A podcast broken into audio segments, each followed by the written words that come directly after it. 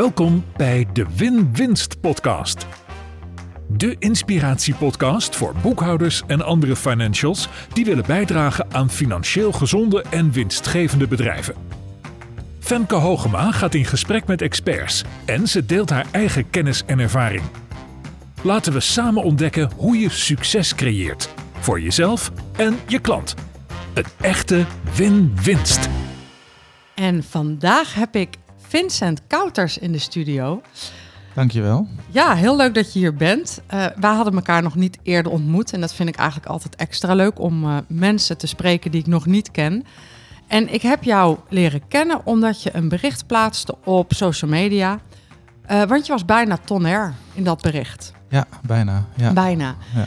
En ik kende het woord nog niet. Maar, en, en net bleek ook, ik ging net nog een keer googlen van wat is een tonair nou?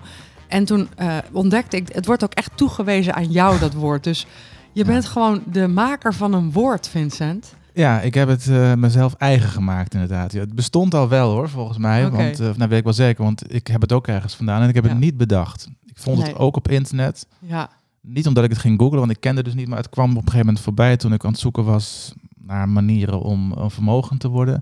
En ergens op een of andere website, heel diep weggestopt op het internet, stond het woord tonair. Uh, een afgeleide van miljonair, maar dan heb je dus 100.000 euro. Toen dacht ik, ja, tonair, ja. dat zag ik staan. Dat, dat, dat, alleen dat woord al, dat triggerde bij mij dus ook gewoon bepaalde...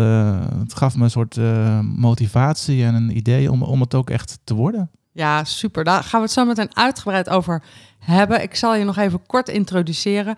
Je bent freelance journalist en je hebt een vaste rubriek, rubriek in de Volkskrant genaamd Geld voor Beginners.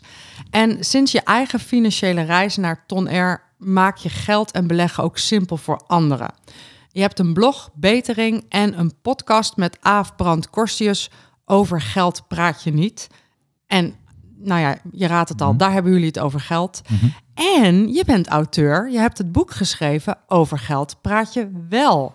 Nou, ja. voor de luisteraars, normaal gesproken zie je het boek dan in beeld staan. Nou, als we dit opnemen, is het bijna uit. Maar als het uitgezonden wordt, ligt het in de winkel. Dus over ja. geld praat je wel. En nou, ik was echt wel geïntrigeerd door het woord tonair en het pad. Dus ik dacht, ik nodig je uit. En uh, nou, super dat je er bent. Ja, dankjewel voor de uitnodiging.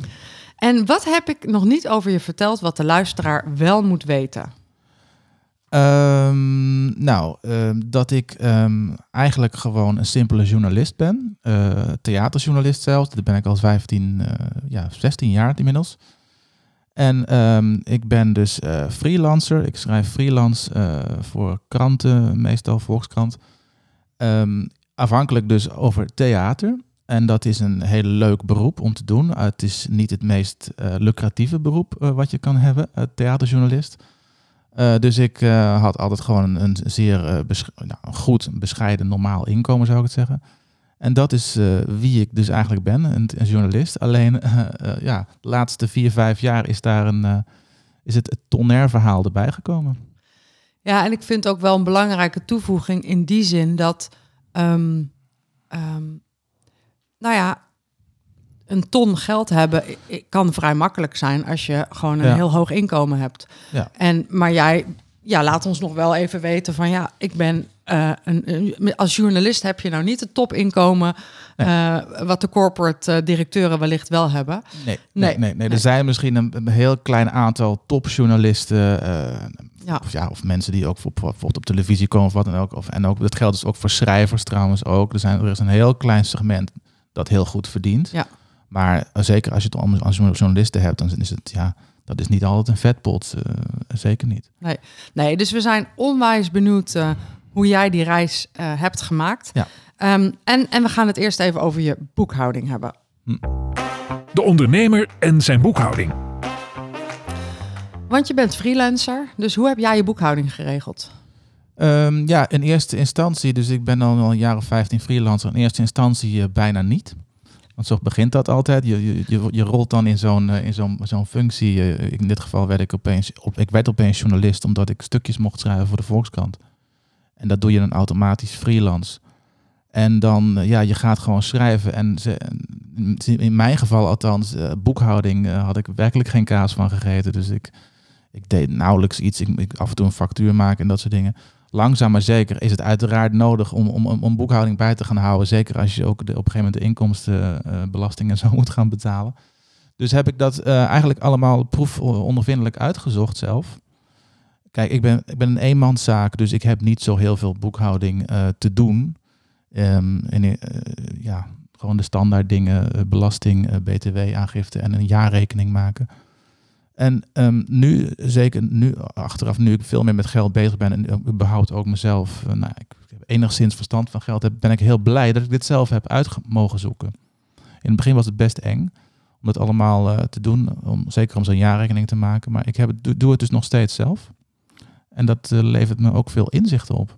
Ja, tof. En ik, je zegt daar wel iets heel belangrijks bij. Want ik, ik roep altijd uh, tegen ondernemers, neem nou alsjeblieft een goede boekhouder. En wat ik jou echt hoor zeggen is, je hebt je erin verdiept. en dat is dan ook wel een voorwaarde. Als je het zelf doet, dan moet je ook wel een beetje weten wat je aan het doen bent. En ja, daar ook tijd en energie in stoppen. Ik denk dat er wat op zich had ik in, zeker in het begin wel baat bij gehad als ik daar voor, voor echt hulp had gezocht. Maar um, ja, in mijn geval als, als eenmanszaak en als, als journalist, je hebt, er zijn gewoon niet zoveel dingen. Ik heb bijvoorbeeld geen onkosten, na, nagenoeg niet. Of ik, ik, weet je, ik heb alleen maar nagenoeg alleen maar de, inkom, de, de inkomen. Dus het is allemaal heel klein en, en, en behapbaar. Maar goed. Ja, ja. En het geeft jou ook inzichten. Ja, ja. ja. En um, gebruik je dan een, een boekhoudprogramma of doe je dat in Excel? Nee, ik in Excel. In ik Excel. dus je maakt echt handmatig een jaarrekening. Ja. Wauw, daar heb ik ook wel respect voor. Ja, nou, ja, daar ben ik in 2006 mee begonnen. Misschien was het toen niet normaal gebruikelijker. maar je zou ook kunnen zeggen dat het heel ouderwets is natuurlijk. Nou ja, ik bedoel, je vraagt mij niet om advies, maar nee. Uh, misschien dat ik na deze podcast dan toch nog je wel ongevraagd advies ga ja, geven. dat is misschien wel goed ook. misschien wel goed ja, ook. Ja, ja ik, ik, zal in ieder geval... Uh, ik heb, uh, zoals je misschien weet, zes boeken geschreven. Ja. Profit First gebruik je al, maar ik, ik zal zo even een leuke selectie boeken maken die je nog niet hebt, die ik je dan meegeef ter goed, studie en vermaak. Leuk. Um, stuur jij op cijfers? Je hebt daar inzicht in, zeg je. Stuur je er ook op? Nou, vroeger helemaal niet. Vroeger was, ik, was het puur gewoon een kwestie van ik moet er vanaf zijn. Ik moet gewoon het minimale doen om een belasting te kunnen doen. En um, nou, vooral dat. En keek ik totaal niet naar wat dan eigenlijk de winst was of de omzet en wat niet naar keek. Nu, wel, nu dus nou goed, ik eh, probeer dus tonair te worden. Dus dan, eh, ja, dan gaat het alleen nog maar over de cijfers. En, ik ben mezelf nu ook wederom in Excel, houd ik dus ook mijn vermogen bij. Um, hoe dat groeit en zo. En dus nou, ben ik daar wel door geobsedeerd geraakt, inderdaad. Ja, ja. ja geweldig. Geweldig. En um, is geld belangrijk? Ja, blijkbaar toch wel. Ja, het, is, uh, het moet niet het belangrijkste zijn in je hele leven, uiteraard. Maar het is ook niet um, voordelig, heb ik ontdekt, als je het helemaal niet belangrijk maakt. Als je het er gewoon echt voor afsluit. Als je dus uh, je, kop in het zand steekt, wat ik uh, een jaar of twaalf heb gedaan. Dus alleen maar, um, ja, alleen maar die, bijvoorbeeld die boekhouding doen om, om, om er vanaf te zijn. En ook gewoon wat je, alle, al het geld wat binnenkwam bij mij ook weer uitgeeft. Uh, omdat ik dacht dat dat prima, omdat dat gewoon altijd goed ging. Als je gewoon niet nadenkt over andere zaken zoals pensioen, uh, arbeidsongeschiktheid of uh, andere risico's die je loopt in het leven, dan is dat uh, ja, nou, niet zo verstandig, lijkt me. Want wat was voor jou de trigger om van, nou ja, geld geef je gewoon uit en aangifte doe je omdat het moet, om van die situatie te gaan naar ik geloof dat ik wel wat meer verstand van geld wil hebben. Sterker nog, ja. ik geloof dat ik wat meer geld wil hebben. Wat ja. was er een trigger? Meerdere triggers, ja. Het gebeurde ongeveer um, vijf jaar geleden. Toen ik daarmee mee bezig ging. Um, kijk, wat, het meest concrete wat er gebeurde was uh, dat mijn oma overleed. En die, um, die liet mij uh, en mijn zus ook 6000 euro na. Dat was dus erfenis. Kleine erfenis. Mijn moeder leefde toen al niet meer, dus dit ging direct naar mij. Um, dat vond ik heel erg veel geld toen. Nu nog trouwens hoor. Maar toen was het. Ik had verder geen spaargeld of nagenoeg niet. Dus dat was heel veel geld. En toen dacht ik, ja, dit is 6000 euro. dit moet ik niet gaan verkwanselen. Hier moet ik niet een, een, een iets duurdere auto voor kopen of een, een reisje of, een, of, of gaan opeten of zo. Dus dat was de eerste reden. Ik moet, dat, moet iets bijzonders doen met dat geld. Want ik, ik, hield al erg veel van mijn oma en die heeft mij veel geleerd. Dus ik denk, moet daar ook eren. Dus dat was een soort concrete reden. Een andere reden was dat ik toen wel dacht, ja, ik ben dus freelancer. Ik heb geen pensioen. Ik heb een nul opgebouwd. Heb ik nooit over nagedacht. Ik heb geen arbeidsongeschiktheidsverzekering. Dat is helemaal niet slim. Kan ik ook niemand aanraden. Ehm, en ehm, ik, heb, ik loop allerlei risico's. Als het bijvoorbeeld, ehm, als me, ja, het werk kan opeens stoppen natuurlijk. Ja. Gebeurde twee jaar later ook, toen de corona uitbrak. Ehm, dus, dus al die risico's, die ik met mijn achterhoofd wel, wel wist natuurlijk, maar waar ik me toch gewoon voor afsloot, daar, daar moest ik echt iets mee doen. Dus daar, daar moet ik dus ja, eh, vermogen opbouwen, was daarop het antwoord. Ehm, dat en dat noopte mij tot eh, dat ik gewoon beter met geld om moest gaan. Ja. En toen ging ik online zoeken naar allerlei manieren om dat te doen. En toen ontdekte ik eigenlijk de FIRE-beweging. Ik weet niet of je dat kent. Ja. Eh, uit Amerika. Oh, Dat bestaat ook al een jaar of 10, 12. Maar dat ontdekte ik toen. Ehm, eh, financially Independent Retire Early. Ja. Dat zijn mensen, het was voornamelijk een online beweging, die financieel onafhankelijk willen worden. Ehm, met eh, ook meestal bescheiden inkomens. Er zijn een aantal voorbeelden van. Mr. Money Mustache heeft een blog daarvan. Die is volgens mij de aanstichter. Ook in Nederland heb je financieel onafhankelijk blog.nl. ja, die ken ik. Die volg ik al Ja. heel lang. Ja. Heel inspirerend. Nou, dat, dat was sowieso heel inspirerend. Dat is die mensen, nou, die proberen dus om financieel onafhankelijk te worden. Dat is hetzelfde als rentenieren. Dat is niet per se mijn doel, want dan heb je al gauw een half miljoen nodig of zo om echt van je eh, rendement te kunnen leven. Dat vond ik te ambitieus. Maar ik dacht toen wel, ja, maar goed, de manieren waarop ze dat doen, namelijk door hun uitgaven zo laag mogelijk te houden. En ehm, dus niet zozeer door keihard te werken of heel veel te gaan verdienen, op wat voor manier dan ook. Want dat is niet, vaak niet gezond. En ook niet altijd mogelijk. Maar gewoon door de uitgaven zo laag mogelijk te houden. En dat verstandig in eerste instantie te sparen, laten te beleggen. ehm, kan je al vrij snel eh, een vermogen opbouwen. En dat klinkt misschien heel een soort als een open deur. Maar dat was voor mij wel echt een inzicht.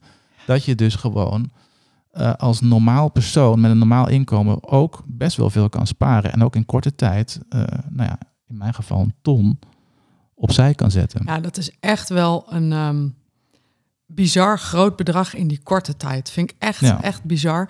En het is wel wat je zegt. Als je daarover nadenkt, je gaat er wat over lezen, ook over de FIRE-beweging. Het is in essentie een kwestie van het zorgen dat het gat tussen wat erin komt en wat eruit gaat zo groot mogelijk is. Ja. En wat er dan overblijft op een slimme manier wegzetten.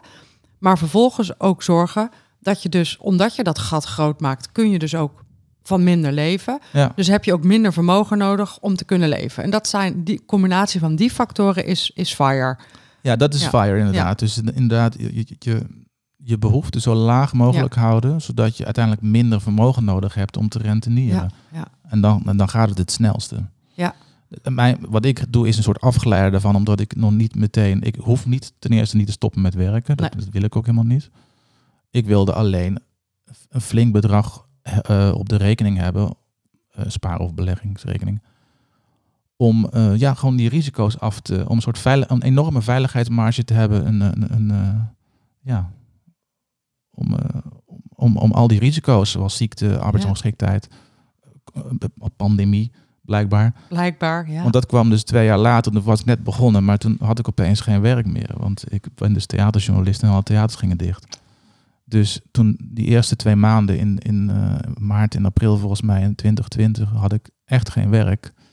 En nou goed, dat, dat losten ze daarna snel op. Maar in die maanden had je geen idee voor hetzelfde geld. Eh, het, was, het was allemaal nieuw en raar. Voor hetzelfde geld had ik nog veel langer geen werk. Best wel stressvol. Ja, dus toen werd ik extra met mijn neus op de feiten gedrukt dat ik echt aan de slag moest met een soort eh, buffervermogen. En ehm, ik was dus al een beetje bezig, maar toen heb ik ook dat woord tonair opgezocht. En toen ben ik echt, eh, zeg maar zeggen, in de tweede versnelling gegaan. Ja, dat werd je doel. Jouw doel werd tonair. Ja, ja. ja. Ja, leuk. Ja, we gaan er zo dieper op in. Ehm, wat is het belangrijkste principe dat jij over geld hebt geleerd? Mm, ehm, ehm, ja, dat het je ook. ehm, vroeger dacht ik altijd dat het geld er was om uit te geven. Nu weet ik eigenlijk dat het dus ook rust kan geven en een soort vrijheid. Dus door het achter te houden, door het ja, op te potten of op een, uh, als vermogen een beetje op te bouwen. Dat het dus veel waardevoller is als je het uh, achterhoudt Ja. om, ehm, ja, om, om risico's af te dekken, et cetera. Ja, ja, mooi. Geld geeft rust en Ja. vrijheid. Ja, Mooi. als je die luxe hebt, dan Ja. is dat eh, ja, niet, Ja. niet te versmaden. Dan is dat niet te versmaden. De expert aan het woord. Nou, we kunnen allemaal niet wachten op het verlossende antwoord. Je zei net namelijk bijna, maar ben je nou tonair? Ja, ja het is, Het is gelukt. gelukt. Ja, ja, een maand of wat geleden ja, is het gelukt. Toen haalde ik opeens, eh, ik, zat er wel, ik, ik schurkte er zo een tijdje tegenaan. Ehm het komt ook, ik, heb, ik- ben eerst gaan sparen, later ben ik gaan, ook gaan beleggen natuurlijk. Ehm, om, eh, want ja, als je op, op spaargeld krijg je weinig rendement. eh, toen niks, inmiddels een half procent. Op, beleggingen kan je op lange termijn wel iets, wat meer dan dat verwachten in ieder geval. Dus uiteraard ben ik dat gaan doen. Dus, maar dat betekent ook hoe meer, hoe groter deel ik van mijn vermogen beleg, hoe, hoe meer het fluctueert en mee, mee danst op de golven van de nogal onvoorspelbare eh, beurs. Dus ik hing al een tijdje zo rond de 90.000. Eigenlijk een, ruim een jaar geleden al, maar toen ging de beurs enorm dalen. Vanwege, eh, nou ja, wat gebeurde er allemaal? Inflatie, eh, Oorlog. eh, oorlog, inflatie. Nou, vooral inflatie Ja. denk ik. En de reactie van de centrale banken erop door de rente omhoog te doen. Ja.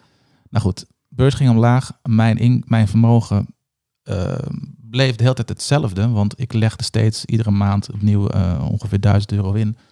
Maar dat, ging, dat verloor ik gelijk, gelijk weer op de beurs. Dus ik heb een, ma een klein jaar lang zo tegen aangeschurkt. En een, een maand geleden ging de beurs opeens omhoog. En toen eh, legde ik weer wat in. En toen, toen schoot ik door de ton. Ja, toen schoot je door de ton. En, en toen, wat, wat, wat, wat gaf je dat? Wat was het gevoel of de ervaring?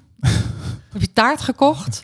Ik heb eh, bij de Lidl een fles champagne gekocht voor Bij de 4,99. Hilarisch bij de Lidl. Ja, ja, Ja. die hebben hele goedkope, Ja, maar eh, ook best goede, echte champagne dus. ja, want je wilde geen 40 euro uitgeven in champagne. Dat was, Nee, eh, nee. nee. vond ik een beetje zonde. Vond je toch zonde? Ja. Dat ja. is misschien, maar goed, dat, dat is, ja, dat is, een, dat is een beetje ingeslepen. Dat krijg je ervan. Maar eh, ik vond het ook wel grappig om te doen, eerlijk gezegd. En bovendien is het echt lekkere champagne, want die had ik al eerder gedronken. Ehm, dus dat heb ik gedaan samen met mijn vrouw, hebben we die eh, opengemaakt en gedronken. En toen, hoe voelde dat? Ik ben tonair. Ja, eh, nou wel raar, want ik, ik, ik- ik- het, het zat er al aan te komen. Dus ik dacht op een gegeven moment al... ehm, het, het, ehm, het was, ik zou niet zeggen dat het een anticlimax was, want...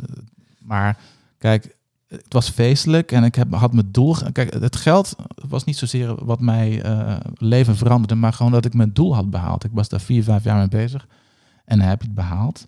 Dat geeft gewoon een enorme kick. Ja. Dus ja, dat was het. Maar goed, de volgende dag had ik nog steeds last van mijn rug. Weet je wel, dus het is niet dat ik opeens... eh, Nee, je, de wereld was niet ineens een hele andere plek. Nee, precies. Nee. Ik moest gewoon in mijn werk doen, uiteraard. En dat Ja. is prima, maar Ja. dus het is niet, niet die, die levens, levensveranderende ervaring.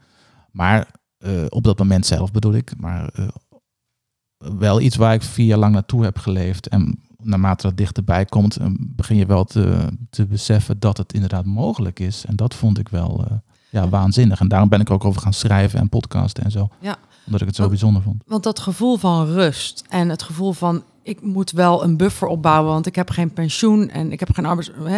Ja. Dat gevoel, hoe is het daar nu mee? Nou, dat is dus, ja, dat, dat gevoel, dat, dat is er echt. En dat geeft me ook echt rust, inderdaad. En eh, soms, soms, ik heb nog steeds veel werk en soms denk ik, oh god, hoe krijg ik het allemaal, eh, eh, hoe, moet, ik- hoe moet ik het allemaal doen en rondbreien en zo. Maar dan, als ik, als ik mezelf rustig wil maken, dan zit in mijn achterhoofd van, oh ja, maar je hoeft uiteindelijk niet alles meer te doen voor het geld. Je hoeft niet alle, alle, klussen aan te nemen. Ehm, dus ehm, het is niet erg als er iets eh, uitvalt of wat dan ook, snap je? Dus het is, ehm, ja, in mijn achterhoofd werkt het wel. Dus het geeft wel echt die rust dat je daar, dat je niet meer jezelf voorbij hoeft te lopen om maar, eh, ja, gewoon je inkomen te- bij elkaar te hebben voor het einde van de maand, wat ik wel ooit had.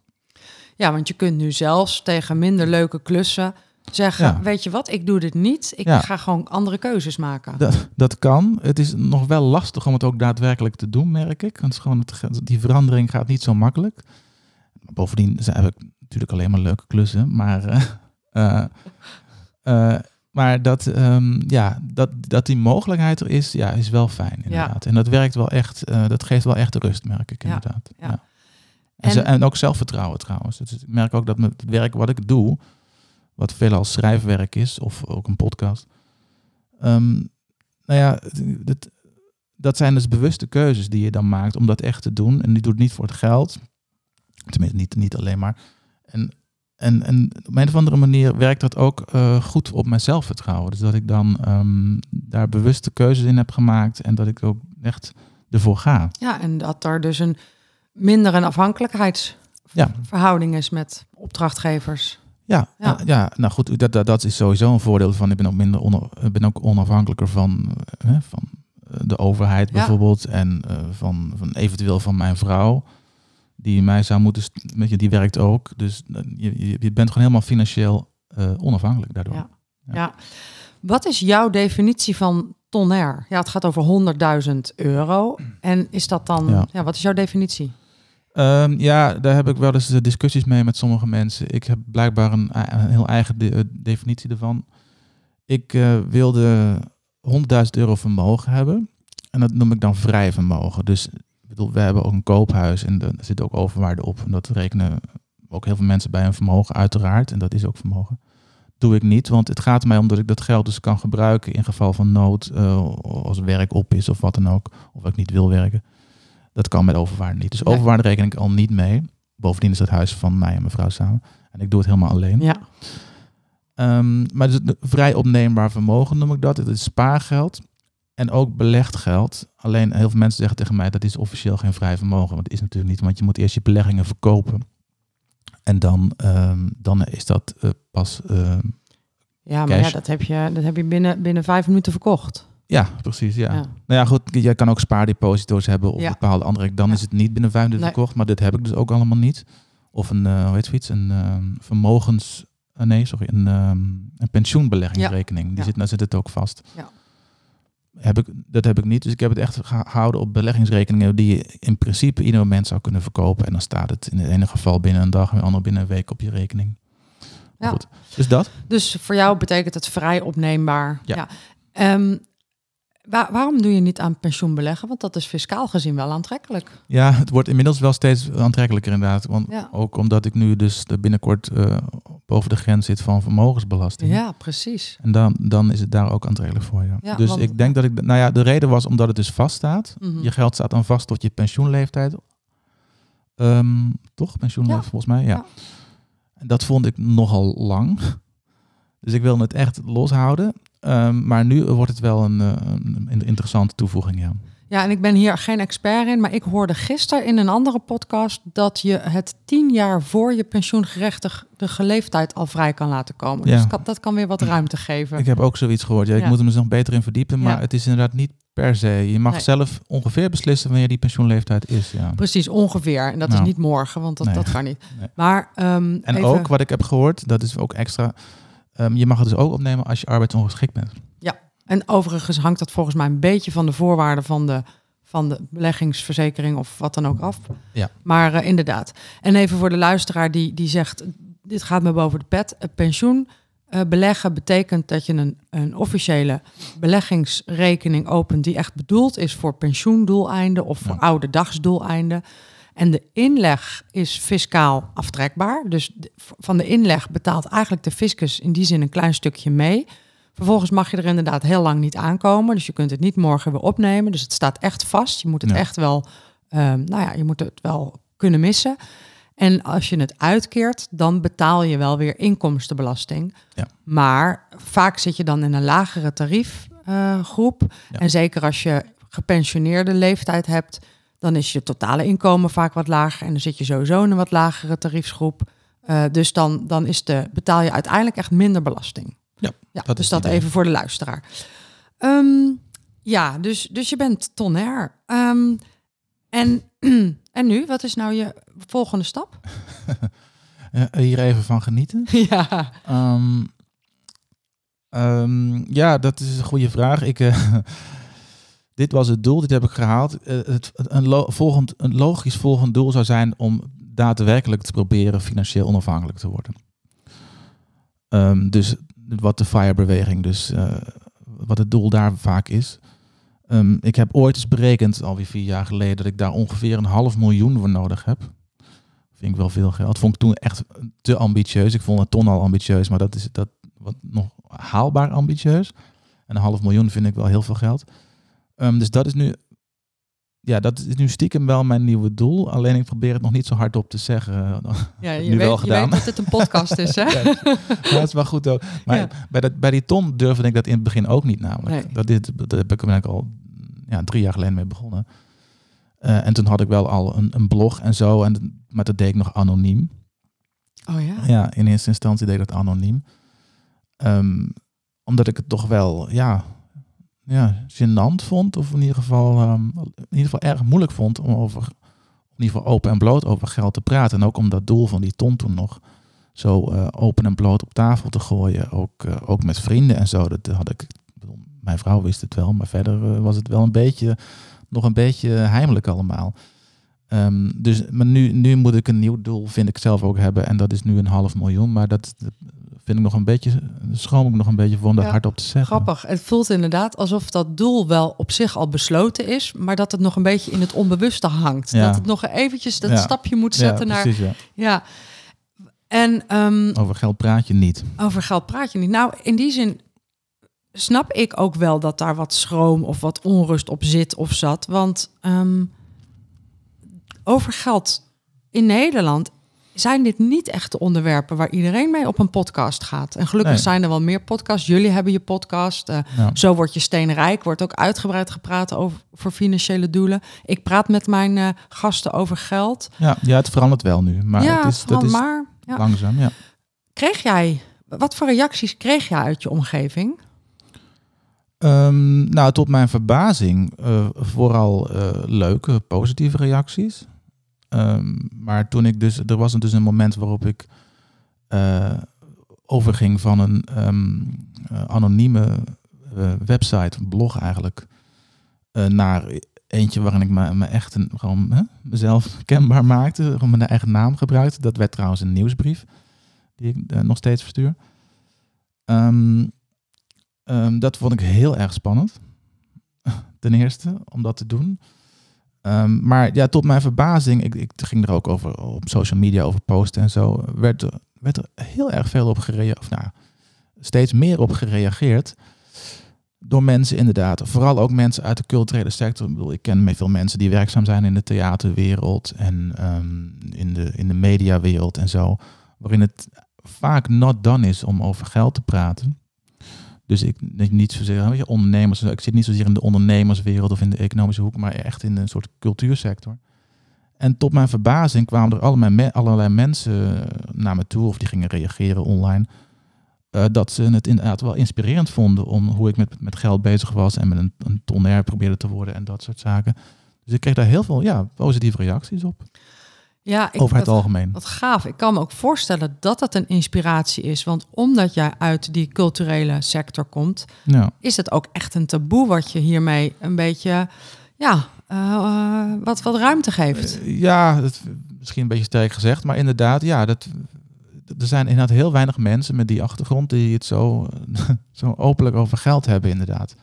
In ieder geval over het. ehm, kijk, het gaat natuurlijk vaak over, over hoe je subsidies en zo eh, in de culturele sector, over je subsidies aanvraagt en dat soort dingen. Dat wel, maar dat heeft dan allemaal een soort groot, een soort nobeler doel, namelijk kunst maken of wat dan ook. Mhm. Dit gaat over geld eh, voor jezelf en voor, dus voor je pensioen of wat soort dingen. En heel veel mensen in de culturele sector zijn ook freelancers, bijna allemaal.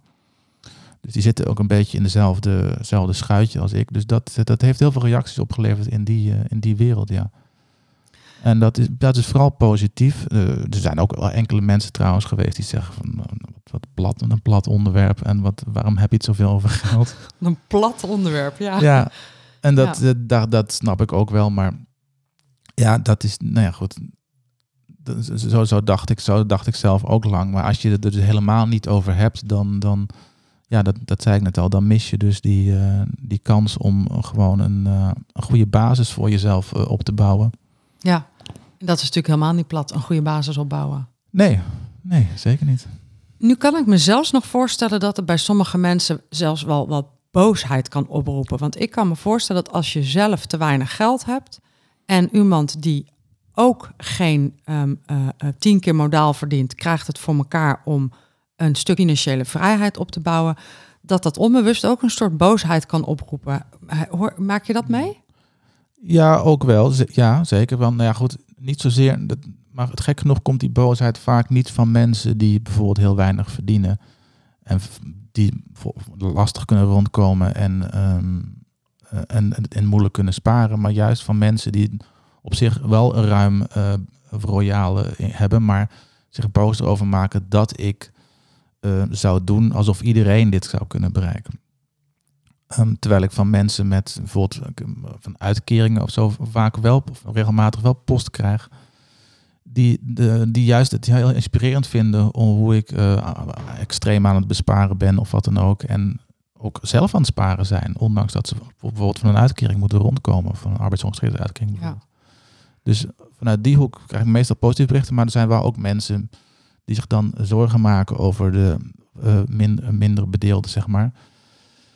En dat, dat doe ik zelf ook. Ik bedoel, ik, de suggestie, eh, ik wil niet de suggestie wekken dat iedereen dit kan doen. Natuurlijk is het lastig om te sparen als je, als je, als je, van een, als je met een minimuminkomen hebt. Dus, ehm, eh, maar ik denk dat het wel inspirerend kan zijn om daarover in ieder geval over na te denken.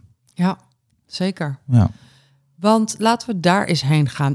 Hoe heb jij in eigenlijk een relatief korte periode van ehm, vijf jaar, zes jaar, vanuit een klein startkapitaaltje van 6000 euro een ton gemaakt? Hoe heb je dat gedaan? Ja, dat is een goede vraag. Ehm, ja, nou ja, het, het, uiteindelijk heeft het vijf jaar geduurd. Als je berekent vanaf die, eh, die 6000 Mhm. euro van mijn oma, ehm, waar ik, die ik niet wilde verkwanselen, daar, ehm, nou geïnspireerd op de FIRE-beweging, ben ik dus toen in eerste instantie gaan kijken naar mijn uitgaven. Daar zat het probleem. Niet zozeer aan mijn inkomen. Ik verdiende ook niet zo heel veel, maar gewoon eh, iets minder dan modaal. Ehm, eh, maar het eerste wat je, wat, wat je volgens mij moet doen, in ieder geval wat ik deed, was gewoon naar je uitgaven kijken. Dus ik ging letterlijk gewoon eh, op mijn bankrekening online alle afschriften bekijken. Dat deed ik namelijk ook nooit. Ik was echt slecht met geld. Dus ik keek nooit naar de afschriften. Dus dan, dan zie je waar het geld heen gaat. Dan zie je wat er binnenkomt en wat er uitgaat. En dat, moet, je- dat eh, heb ik tot een jaar terug gedaan. En ten eerste, in eerste instantie ontdekte ik toen al dat ik lid was van, eh, had ik twee lidmaatschappen had, lidmaatschappen had waar ik eh, geen weet van had. Oh ja. Ja, een of andere politieke partij. ehm, waarvan ik vergeten was dat ik lid was en die nog ieder jaar iets afschreven. En een of andere, eh, nou dat kan ik wel zeggen, dat is Amazon Prime. Ik weet Tientje per maand, denk ik. ja, zoiets Ja. inderdaad, ja. Eh, waar ik echt zonder het te weten lid was, van was geworden. Dat, dat, dat, ik weet niet of Amazon dat nog steeds, maar een tijdje terug, een aantal jaar geleden, toen als je iets, iets bij Amazon bestelt, wat ik heel zelden deed, maar goed, een keertje voor een cadeautje of zoiets, moest je een vinkje, een vinkje uitzetten Oh. om niet, lid, niet Ja. automatisch lid te worden in- van hun bezorgmaatschappij. en in Europa mag dat helemaal niet, maar Nee, Amazon is natuurlijk niet Europees. Volgens mij hebben ze het inmiddels wel aangepast, want heel ja. veel mensen hadden hier last van. Ja. Dat zag ik toen ik het ging opzoeken. Ja. Maar dat, dat moest ik dus eh, alsnog uitzetten. En ik, ik kan nog een mailtje naar de klantenservice. En ik kreeg nog niet die laatste 80 euro kreeg ik nog terug van het laatste jaar. Maar goed, dus daar, daar had ik al op zich al was al met, dat was de eerste stap. Ja. Ehm, en toen eh, zag ik dus wat ik uitgaf en wat er inkwam. Dat was op zich al in balans, maar ehm, dat kon volgens mij nog veel beter en extremer. Dus toen ben ik gaan besparen op eigenlijk alles wat ik zag. Ik heb een aantal lidmaatschappen heb ik opgezegd van tijdschriften. Van ik dacht, ja, die lees ik soms. Maar dan kan net zo goed losse nummers kopen. Dat is uiteindelijk goedkoper. Ehm, ik heb van, ben van bankrekeningen veranderd. Van, je kost bijvoorbeeld ook geld om. eh, banken kosten ook geld om, om, om die service die ze Er zijn goedkopere bankrekeningen mogelijk. Ehm, ehm, ja, ik ben gaan besparen, gaan overal gaan kijken waar je zo een beetje kan besparen. Een goedkopere, aan het einde van het jaar een goedkopere zorgverzekering. ehm, mijn eigen risico omhoog geschroefd. Dat kan je alleen doen als je gezond bent. Dat moet je natuurlijk wel. Maar goed, dat, dat was ik. Dus dan heb ik de mogelijkheid om dat omhoog te schroeven. En als je een beetje spaargeld hebt, dan kan je makkelijk dat eigen risico daaruit, eh, zeg maar zeggen, dan heb je dat gewoon liggen. Ehm, ik merkte, oh, dat is wel iets extremer. Ik maakte de beslissing om geen kleding meer te kopen voor een eh, onbepaalde tijd. Ja. in ieder geval zo min mogelijk. Ik heb wel iets gekocht, maar eh, daar gaat ook veel eh, geld aan op. Dus zo op al die gebieden. ehm, een auto. eh, autorijden is echt wel een, echt een dure hobby. Daar kan je ook heel veel op besparen als je dat wilt. Met name door niet een, een grote auto te kopen of een dure auto. Dus dat, eh, dat deden we al. Maar goed, dat... eh, dat ja. ja, je hebt in ieder geval ook geen dure auto gekocht. Dus Precies, je kan, als je dan op een gegeven moment heel vermogen hebt, dan kan je dus denken van, oh, dan doen we een Mhm. stapje hoger of dan Ja. gaan we naar een. eh, Dus dat hebben we niet gedaan. Ehm, uitgaven gewoon, daar gaat het eigenlijk om. Gewoon ah, in de gaten houden wat je uitgeeft en overal kijken, waar kan, je, kan het wat minder of zo, waar kan je besparen, boodschappen doen, je kan weekboodschappen doen. Ehm, allemaal dat soort kleine dingen en al die besparingen optellen. En dan, dat is namelijk wel de belangrijke stap die je niet moet vergeten. Je kan dat- al die besparingen leveren niks op als je het gewoon op je betaalrekening laat staan. Je moet al die besparingen optellen en dat dan eh, automatisch overmaken naar je spaarrekening. ja, Of en, extra. ja, en Of later is, beleggingsrekening. Want dat is, dat is natuurlijk Parkinson's Law. Geld kan altijd op. Dat zeggen we ook in Profit First. Ik weet Ja. trouwens, ik hoorde in jouw podcast dat je ook Profit First eh, gebruikt. Vind Ja. vond ik heel leuk om te horen. Maar dat is Parkinson's Law. En als, het, als je het dan vervolgens op je betaalrekening laat staan, gaat het op de een of andere manier ergens anders weer heen. Dus het echt, het, dat bespaarde bedrag, daar maakte hij een vaste overboeking van en dat haalde je eraf. Ja. Ja, en ook zoveel mogelijk automatiseren, uiteraard. automatiseren. Ja, Dus- dus, dus het tweede. Dat is echt ook een tip, is dat. Ja, Je moet absoluut. het echt automatiseren. Dus je, ja, je spaargeld automatiseren. Dus niet ach, aan het einde van de maand maar denken, hè, wat, wat hou ik over? Nou, dat kan dan niet gewoon in eer- begin van de maand. Hè? Dus dat is ook zo, ja, eh, profit first, zeg maar. Het is gewoon eerst, het gaat erom wat je apart zet. Dat ga je apart zetten. Ja. En daarna de rest wat je overhoudt, gebruik je voor, eh, voor, je, voor je vaste uitgaven. Ja. En dan kan je ook nog een bedrag of een potje overhouden voor onverwachte dingen als het nodig is. Maar Dus wat ik je ook heel erg hoor zeggen is dat alle dat het echt ging over de kleine beetjes. Het ging niet Ja. over grote klappers. Het ging over de heel veel kleine beetjes Ja. die samen zorgden voor groei. absoluut, ja. En dat is dus, ja, een soort het sneeuwbaleffect. Dus je, moet, je begint met een heel kleine sneeuwballetje, of, of in dit geval heel veel kleine sneeuwballetjes. En ehm, als je die dan inderdaad, nou goed, later ga ik, ging ik dan beleggen. Dus dan, dan al die kleine beetjes, die leveren steeds meer rendement op. Rendement op rendement, et cetera. Niet dat het rendementsaandeel in dat, die ton nou zo groot is. Want, eh, maar goed, dat, dat komt later misschien wel. Hè? Dat duurt echt Dat misschien wel een decennia. tijd, ja. precies. Ja. Maar door het in ieder geval te sparen of apart te zetten op een beleggingsrekening, ehm, eh, ja, eh, zet Hmm. je het apart. Is je leven saaier geworden door... eh, Nee, nee in, het, in, in tegendeel. Ehm, nee, nee, het is niet saai geworden, nee. Nee, maar doe je nog wel leuke dingen dan? Want leuke dingen Ja. kosten vaak geld. Ja, maar we gaan zeker, we doen zeker nog wel. Want ik, in de FIRE-beweging zijn bijvoorbeeld hele extreme eh, richtingen. Mensen die de, de, de kachel eh, nog een graadje lager draaien. Of ook verhuizen naar een tiny house of eh, dat soort dingen. Kijk, dat, dat doen wij allemaal niet. Ik heb ook te maken met mijn gezin. Ik heb een vrouw en twee kinderen, twee jonge kinderen. Ehm, en daar probeer ik niet op te besparen. op te besparen. Dat, zou, dat zou het inderdaad een beetje schraal maken. Dus we gaan wel gewoon op vakantie en zo. En, ehm, en ook niet goedkoop, moet ik zeggen. en ehm, dus het, het is een kwestie van balans vinden. Ja. Kijk, dus al die kleine dingetjes heb ik vooral bespaard op, op, op, eh, ja, op, op uitgaven die me ook eigenlijk verder niet zoveel eh, lol of eh, vreugde brachten. Ik bedoel, die tijdschriften die ik heb opgezegd. Ja, ik weet ook niet zo goed waarom ik die had. Die had ik gewoon omdat ik op een gegeven moment dacht, ja, ik moet, een, ik moet ook een abonnement hebben op, op, de, op de Groene Ja, je bent Amsterdammer. tenslotte journalist. Ja, dus precies. Maar het, het is allemaal niet nodig. En ehm, heel veel van dat soort dingen, en dat volgens mij geldt dat voor meer mensen. Je hebt, je hebt gewoon heel veel spullen die je niet nodig hebt. Ja. Dus het is een kwestie van een beetje onder je stand leven. En, en spullen met namelijk zijn heel erg verslavend. Mensen kopen gewoon een heel groot deel van hun spullen omdat ze, dus, omdat ze gewoon omdat kopen om het kopen. En dat deed ik zelf ook. En dat is, als je dat alleen maar eh, probeert te lokaliseren en, en, er, en, eraf haalt Mhm. van je uitgaven, dan kom je al volgens mij al een heel eind. Maar dat is ook, denk ik, wel het inspirerende van jouw verhaal. Dat je, het is niet, die, die ton is niet een mazzeltje geweest. Je bent niet eh, ineens een tweede baan erbij gaan nemen. Je bent niet 80 uur in de week gaan werken. Nee. Je hebt gewoon kleine dingen, Ja. maar je hebt het geautomatiseerd. Je hebt het volgehouden.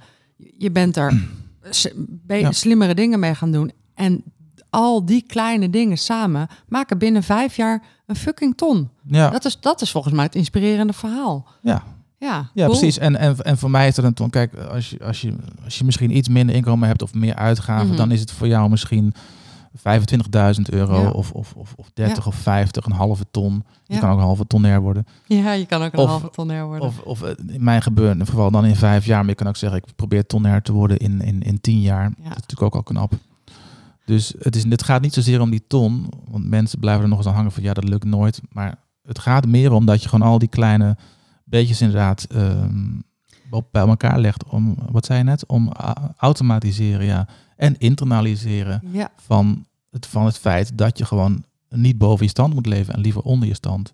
Ja. En niet al die spullen nodig hebt. Al die eh, ja. abonnementen, al uh, groenteabonnementen, onderbroekenabonnementen, ja die zijn er allemaal. tandenborstel, opzetstuk, abonnementen. abonnementen. Ja, die zijn ook. er allemaal. Ja. Ja, je, kunt, oh, je kunt overal een abonnement Het opnemen. is allemaal makkelijk, maar ja. het is niet, vaak niet nodig. Nee, ik geloof dat de gemiddelde mens eh, toch wel zo'n 15 abonnementen heeft ondertussen. En dat Ja. kost natuurlijk wel 15 keer geld. Ja, Ja, sommige dingen zijn natuurlijk nodig. Ik bedoel, ik, ik zou nooit van mijn leven Netflix eh, durven opzeggen, want dan komen mijn kinderen in opstand en dan... dan Nee, maar dat, en dat, is ook het, dat is ook het inspirerende. Je blijft wel realistisch, je blijft wel op vakantie gaan. Eh, je kinderen moeten gewoon op Netflix kunnen. Dus dat, dat is, ik persoonlijk ben ook niet zo'n eh, fire-fan. Want ik denk, ja, ik wil niet pas leven als ik financieel vrij ben. Ik wil nu leven en ik wil financieel vrij Het is zijn. een kwestie van balans vinden. En ik Ja. moet, moet ook toegeven, dat is soms ook lastig. Want als je echt, dat heb ik ook gemerkt, als je echt helemaal daarin duikt. En ik ben nogal, eh, hoe zeg je dat? Competitief of zo'n uitdaging ga ik helemaal. Dus het, het kan ook wel de spuigaten uitlopen dat mijn vrouw zegt van nu moet je echt wel een nieuwe trui kopen. Want dit, dit kan niet meer. En, Ja, ja, of eh, nu moeten we hier en hier en daar wel geld aan uitgeven. Dus dat is ook zo. Dus eh, ja. het is ook goed dat je van, van buitenaf soms een correctie, eh, Ja. een correctieve? Ja. wordt. Maar Nu ben je ook gaan beleggen. Eh, Ja. Welke fouten heb jij gemaakt in het proces van proberen rendement te maken op je geld? Oh, heel veel. Ehm, ja, beleggen is ook zoiets. Dat is ook wel iets waarvan ik vroeger dacht, dit is helemaal niet van mij weggelegd. Dus sowieso ook geld, maar zeker het beleggingsonderdeel, dat, dat, dat, dan zag ik altijd mannen, dan zag, dat stelde ik me zo van mannen in krijtstreep pakken en zo, die op de beurs, ik ken dat van films, Ja, met al die schermen. ja, schermen en zo. Ik denk, ja, dat is, dat is helemaal niet mijn wereld. Dus dat, in eerste instantie dacht ik, nee, dat, dat moet ik gewoon niet doen. Ehm, tegenwoordig heb je veel apps daarvoor. Het, wordt, het, is, een stuk gebruiksvriendelijker om, om te beleggen. Ehm, al die bedrijven die dat aanbieden maken het natuurlijk ook heel simpel. Het is een stuk goedkoper tegenwoordig.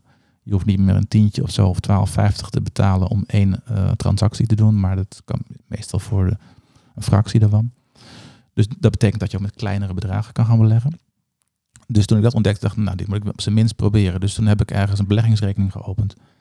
En ging ik zomaar een beetje in het wilde weg aandelen kopen van bedrijven waarvan ik dacht, nou ja, dat, eh, dat, dat zal wel goed zijn. Ahold en Apple en zo. En op zich is er ook niks mis mee. Maar ja, ik ging wel erg, hoe zeg dat, Eh, zonder, niet gehinderd door enige kennis, dat allemaal doen. Ja. En ik denk eerlijk gezegd ook dat dat op, wel een goed op zich. Ja, je moet, op, je moet ook gewoon beginnen. Want Je moet ook beginnen. Je kan over zeker over beleggen. Dat is zo'n onderwerp waar, waar, je, waar je tientallen boeken over kan lezen. En er zijn allerlei strategieën en zo. En je weet ook nooit zo goed wat bij je past. Wat voor belegger ben je? Ben je iemand die er helemaal ingaat met losse aandelen? Of wil je het gewoon, gewoon helemaal geautomatiseerd hebben? Eh, Iedere maand eh, wordt er 500 euro af- afgeschreven. En dat wordt door dat bedrijf belegd in, in, in waarschijnlijk in indexfondsen. Nou, dat, dat is wat ik inmiddels doe. Dat is gewoon de luie manier. En dan Indexfondsen. in dit geval, ja, dat doe ik nu het meest inderdaad. En, eh, ehm, maar goed, vroeger ging ik dus met losse aandelen en zo. En daar heb ik wel geld op verloren. Omdat ik dacht, oh ja, nu moet ik, nu moet ik. eh, dan ga je dus al die, ehm, die blogs lezen erover. En die, die zeggen allemaal, eh, het blijkt dus allemaal tegengesteld. De ene zegt koop dit, de ander zegt verkoop dit. Ja, je, zeg je dat? Je, je, je, ging, ga- je ging erg achter de waan van de dag aan rennen. En dat is nooit zo handig. eh, en, ook veel handelen, dus veel kopen en verkopen. Dus dat, die fout heb ik wel gemaakt. Ja, dat creëert ook veel onrust. Ja. En daar Ja. ben je ook druk mee. Ik herken ja. dat heel erg. Ik ben, eh, ik denk nu twee jaar geleden ben ik begonnen met beleggen bij de Giro. Ja. En eh, ik zit ook vrij met, laat maar zeggen, 80% van mijn geld zit ik in indexfondsen. En ehm, dat is gewoon, die laat ik gewoon staan en daar koop ik gewoon bij. En dat is heel relaxed. Maar ik ben ook gaan spelen. Dus ik heb ehm, eh, bijvoorbeeld, eh, ik heb Roblox gekocht. Omdat ik dacht, dat, dat snappen mijn kinderen, snappen Roblox. Hm. En dat ging goed. Ik Mhm. ging echt omhoog.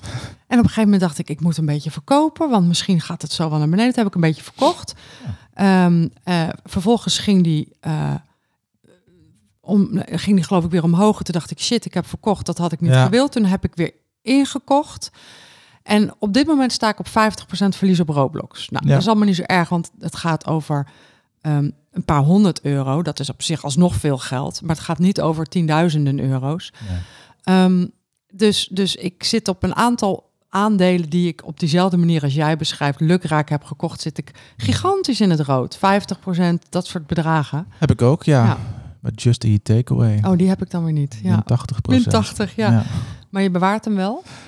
Nou ja, Ja, nu tegen verkopen, beter weten. Ja, nu Ja. verkopen. Ja, allerlei beleggingsspecialisten zullen nu zeggen, dat, dat had je al lang moeten verkopen, want het gaat nooit meer omhoog. Maar goed, Ja, het punt is dat, dat ik dat, dat, dat, dat gespeculeer, wat het toch wel een beetje is met losse aandelen. Kijk, als je daar heel veel verstand van hebt, dan zijn er best, best goede manieren voor om dat te doen. Maar voor, een- voor, een, voor een, een leek als, als, als, als ik of als wij, mag ik als ik dat mag zeggen, is dat gewoon niet, niet, meestal niet haalbaar. En het is leuk om te spelen, dus om, om, om, maar dan is het echt speculeren. Dus dan, ik heb tegenwoordig ook gezegd, want ik heb dus nog wel losse aandelen, maar dat mag echt niet meer zijn dan 10% van mijn vermogen of zo dat daarin zit. En de rest moet gewoon rustig staan in een indexfonds. Ja. Waarmee je de hele beurs volgt, eh, van, eh, of in ieder geval de hele wereld zelfs, alle beur, allerlei beurzen. Dus dat zit dan in, eh, in 3000 aandelen ver- verspreid. En dat moet gewoon lange termijn staan. Dat is het meest ehm, ja, ja, veilig. is een beetje, kan je misschien zeggen, maar het minst risicovol wat betreft aan eh, beleggen. Ja. En dan moet je het voor de lange termijn en dan, dan mag je best wel eh, een bepaald rendement verwachten. Ja.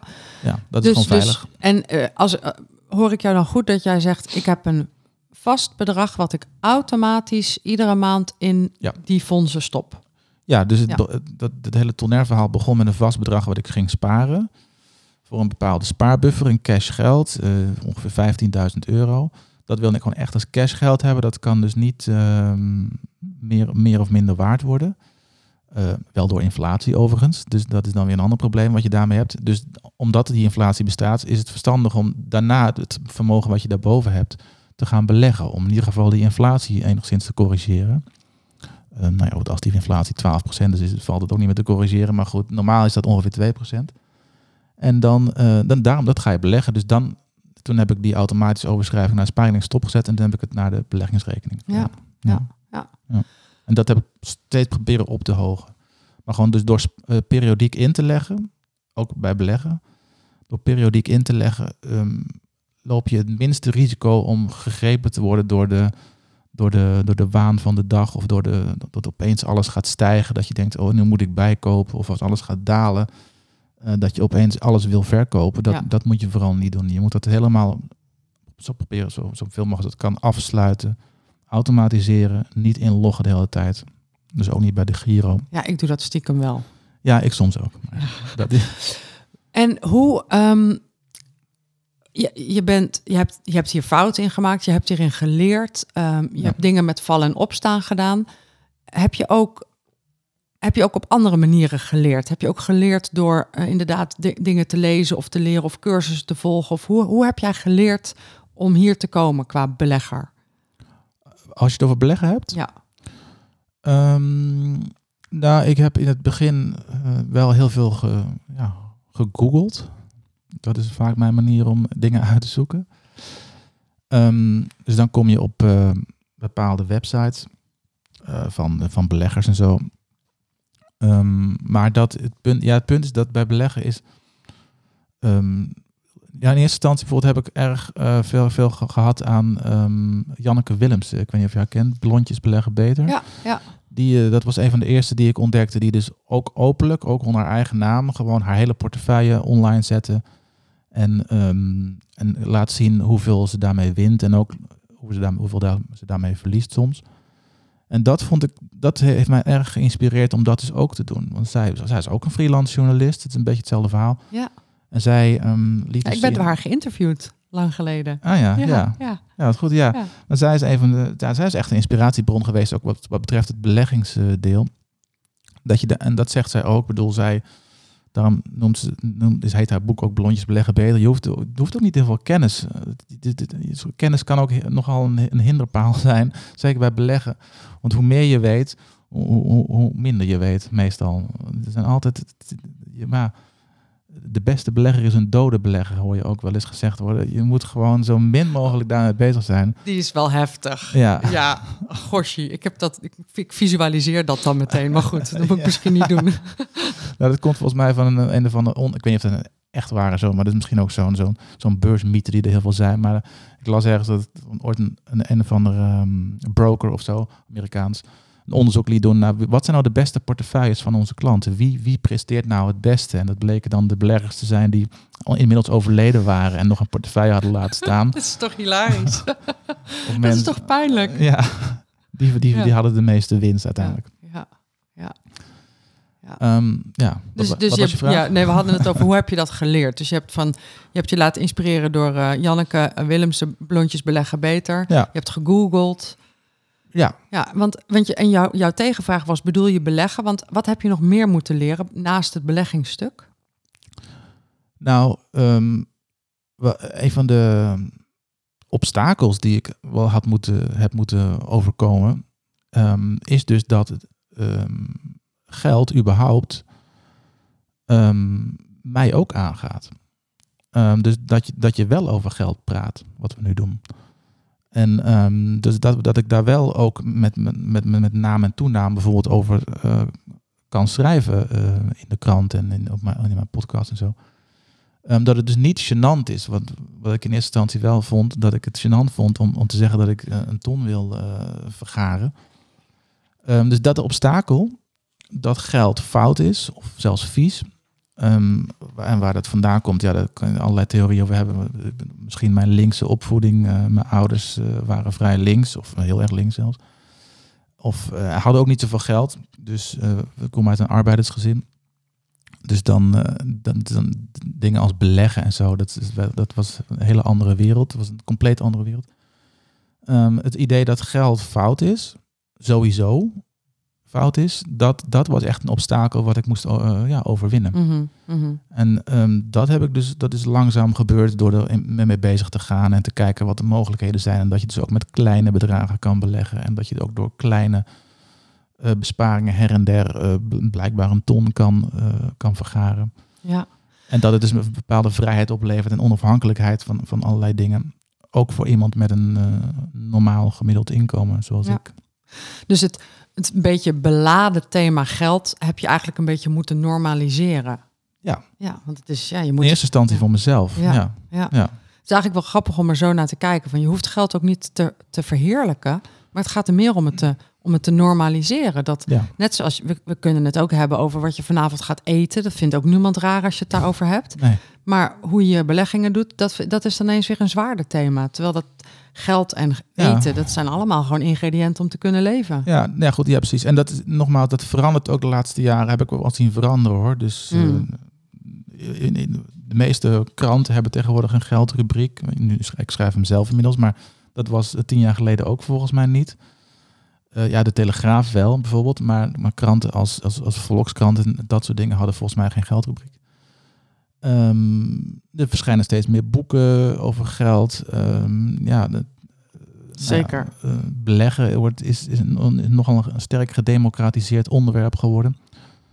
mensen, zeker jonge mensen, hebben het ook vaker openlijk over geld. Uh, collega's weten misschien meer van elkaar wat ze verdienen. Dat is altijd nog een redelijk groot taboe op bij kantoren en zo.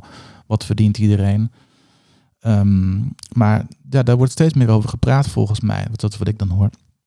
En dat is volgens mij een goede ontwikkeling. Ja, dat is een goede ontwikkeling. En nou ja, jij zei net zelf, ik kom uit een, eh, een arbeidersgezin, eh, linkse opvoeding gehad. Hoe voed jij jouw kinderen op a- rondom het thema geld?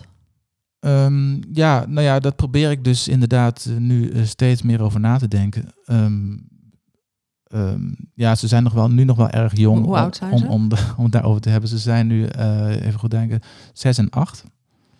Dus het begin nu, ze, ze krijgen al een tijdje zakgeld. Dus daar, daar proberen we nu, ehm, eh, dat is makkelijker gezegd dan gedaan, eh, duidelijk te maken dat, het, dat er een deel gespaard dat je een deel moet sparen en een ander deel moet je apart, zetten- kan je apart zetten voor uitgaven, voor speelgoed. Heel goed.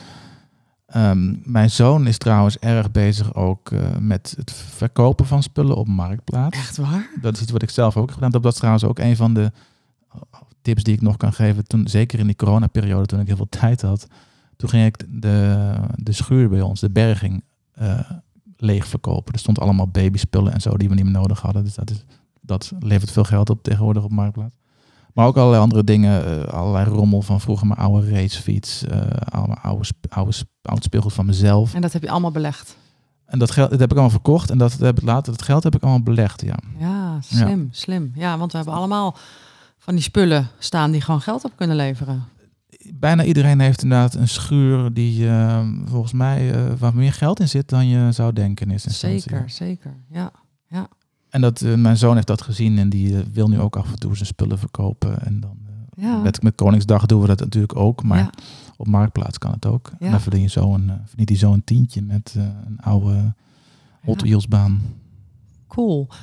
Cool. En ehm, wat jij nu tegen de kinderen... Wij, wij hebben dat ook gedaan met de kinderen vanaf dag één dat ze zakgeld kregen. Want op zich vind ik acht een fantastische leeftijd volgens mij om het over geld te hebben. Ja. Mijn kinderen zijn 9 en 11.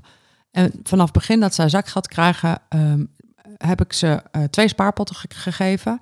10% van hun zakgeld gaat naar de spaarpot voor later. En 90% gaat naar hun Oh ja. spaarpot voor nu. Dus ze hebben Ja. letterlijk twee spaarpotten. Ja. En ehm, die 10% ronden we overigens wel af. Anders dan krijg je straks 12 cent en zo. Dus dat ronden we wel af. En ehm, nu komen ze langzaam op een leeftijd dat ik het ook met ze ga hebben over wat ga je nou doen met dat geld wat in de kluis zit. We noemen dat de kluis, de spaarpot voor later. Nou, daar zit dan ik veel een paar tientjes ondertussen in. En ik wil ze nu gaan uitleggen dat, dat, dat, dat ik wel met ze wil nadenken over hoe kun je daar nou meer van maken. Ja, Kun je dat, eh, ja. ja, Dus- en dus, ja, ja. Mijn, mijn, mijn zwager bijvoorbeeld, die heeft eh, iets oudere kinderen, die zijn nu el- 11 en 13 geloof ik. Die heeft ook op een gegeven moment eh, beleggingsrekeningen voor ze geopend.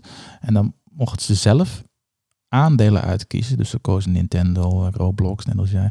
En dat soort dingen, dingen die ze kenden ook.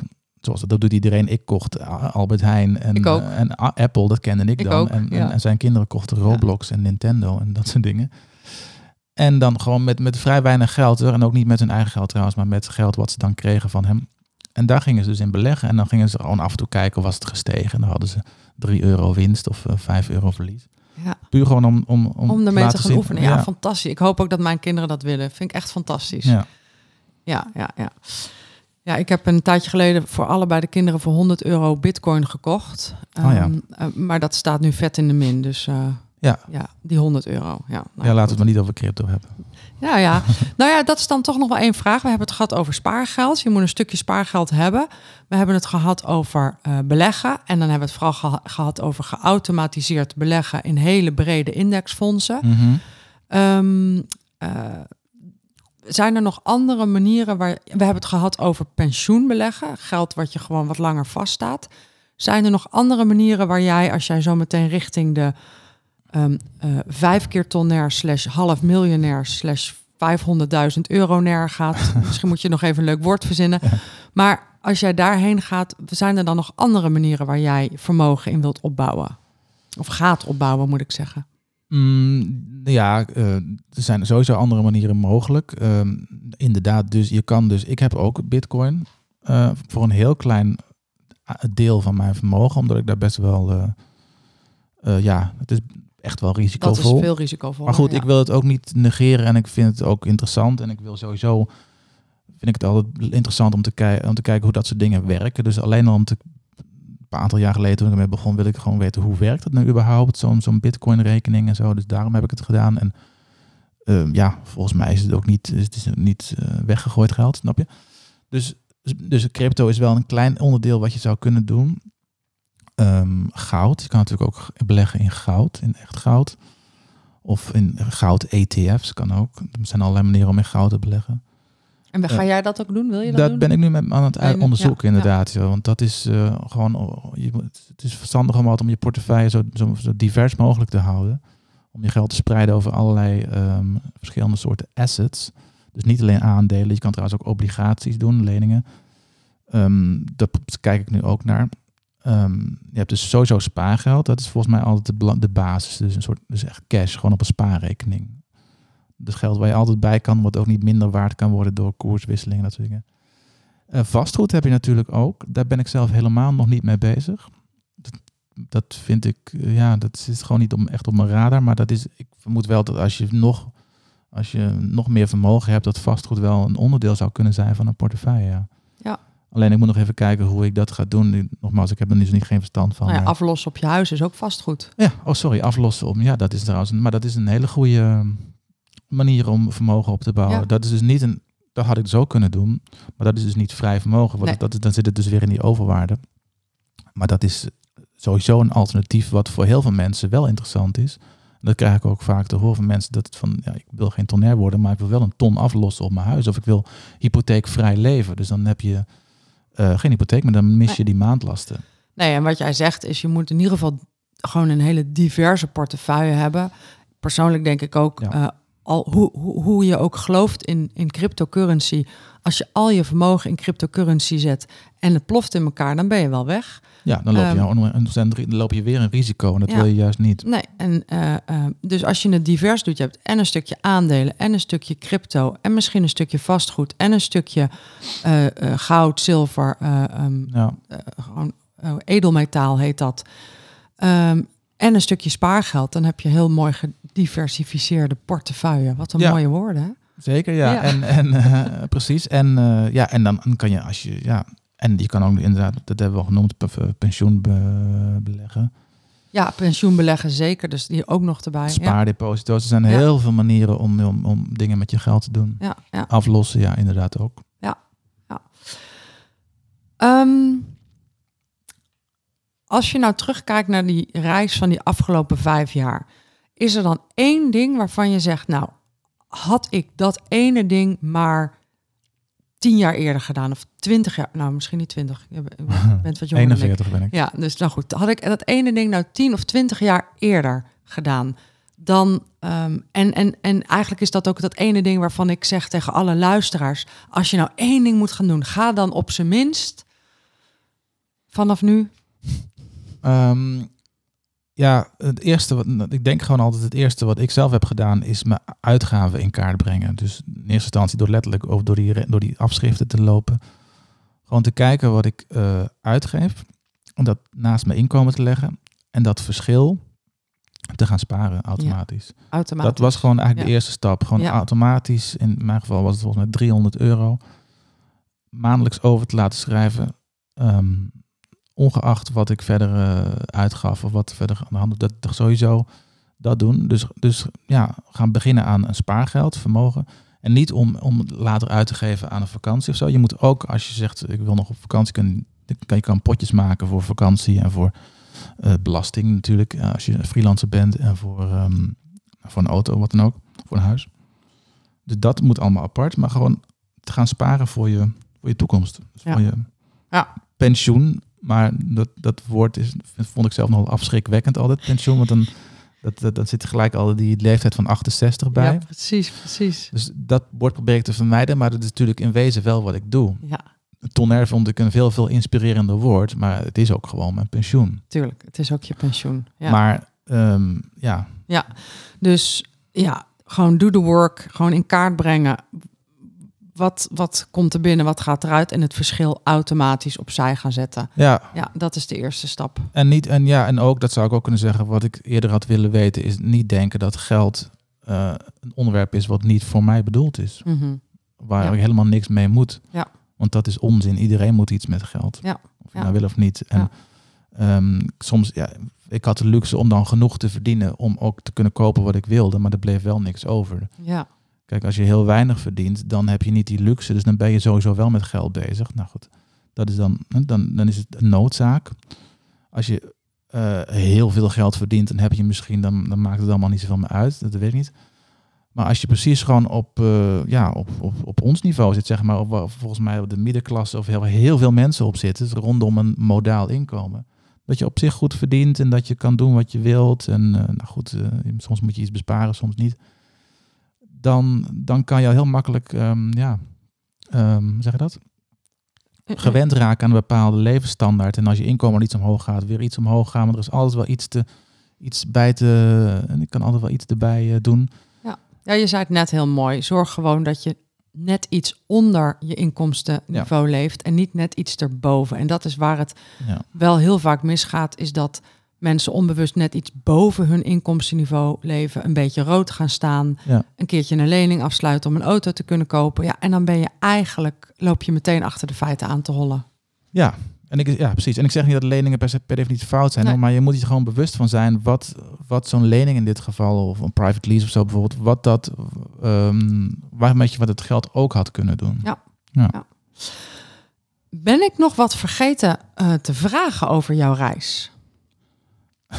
Ehm, nee, Nee? volgens mij niet. Oké, nou dan eh, gaan we naar de De adviezen voor de financial. Nou, je zei het net al. Je zei, ik heb geen boekhouder. Dus de boekhoudbranche, daar zit jij niet in. Nee. Ehm, maar vanuit, vanuit jouw reis van de afgelopen jaren...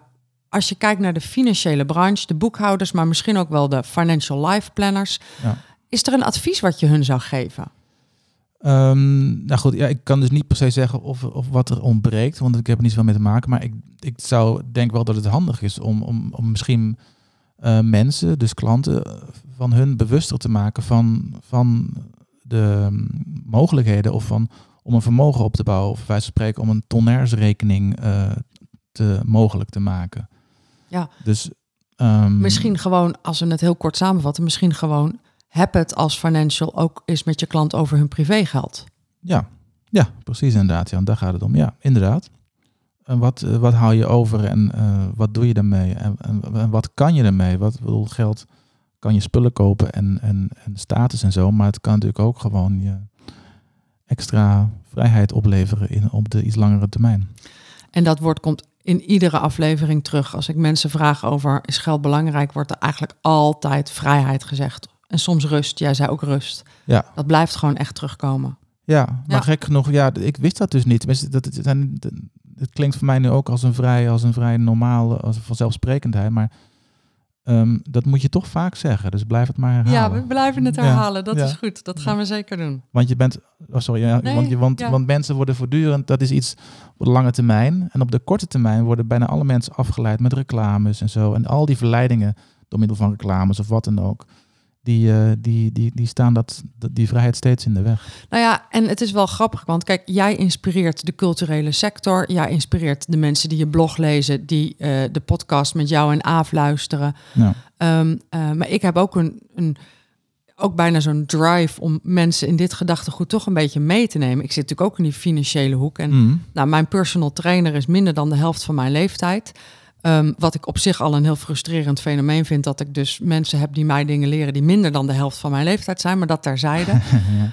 Maar ik maak er ook een beetje een ding van om hem toch minstens eens per maand te vragen of hij nou al is begonnen met beleggen. ja, En eh, dus, dus, want het ding is namelijk, als je hiermee begint, als je begin 20 bent, dan is dat een heel ander verhaal dan wanneer je hiermee begint als je, Ja. zoals ik, ik begon pas beleggen toen ik halverwege de 40 was. nou, dat is in alle eerlijkheid 20 jaar te laat, of misschien wel 25 jaar te laat, als je echt geld de tijd wil geven om te laten groeien. Dus ik gun het alle jonge mensen, begin nou vandaag. Ja, je hebt een enorme voorsprong. Enorme voorsprong. Ja, dat is Ja. fijn. Ja ik, Ja. ik ben wel zelf van de school dat je nooit te laat bent om ergens mee te Tuurlijk beginnen. niet, dus ik ben gelukkig ook maar begonnen. ja, Ja. ik ben zelf zelf 38 en ik doe het nu met Aaf, die podcast. En die is nu eh, die is 47 en nu Ja. net, net begonnen. Ik ben ook 47. Nou ja. ja, dat is gewoon prima leeftijd natuurlijk. Dus dat Tuurlijk. is, je bent nooit echt te laat. Maar je, met, je hebt wel een enorme voorsprong als je er op tijd mee begint. En je hoeft niet meteen alles apart te zetten en alles weg te bezuinigen. Want zeker in je, als je in de 20 bent, moet je ook kunnen leven. Dat is ook belangrijk. Zeker als je jong bent, moet je zeker. ook af en toe uit de band, uit, eh, Zeker. uit, de, dat? uit de band kunnen Ja, uit de springen. band springen. Ja, Ja. ja. Maar goed, dus, ja nee, helemaal eh, maar die balans, ja, het is handig om daar alvast over na te denken. handig om erover na te denken. De winstvraag. En dat erover nadenken is natuurlijk ook wat ik jou als luisteraar eh, nou, wil toe aanzetten met de winstvraag. Vincent heeft een boek geschreven eh, over geld praat je wel. En dat boek kun je winnen. Dus ik plaats eh, weer een post op LinkedIn, Femke Hogema. En de vraag van deze aflevering is: welke eerste stap heb jij gezet of ga jij deze week zetten na het luisteren van deze aflevering?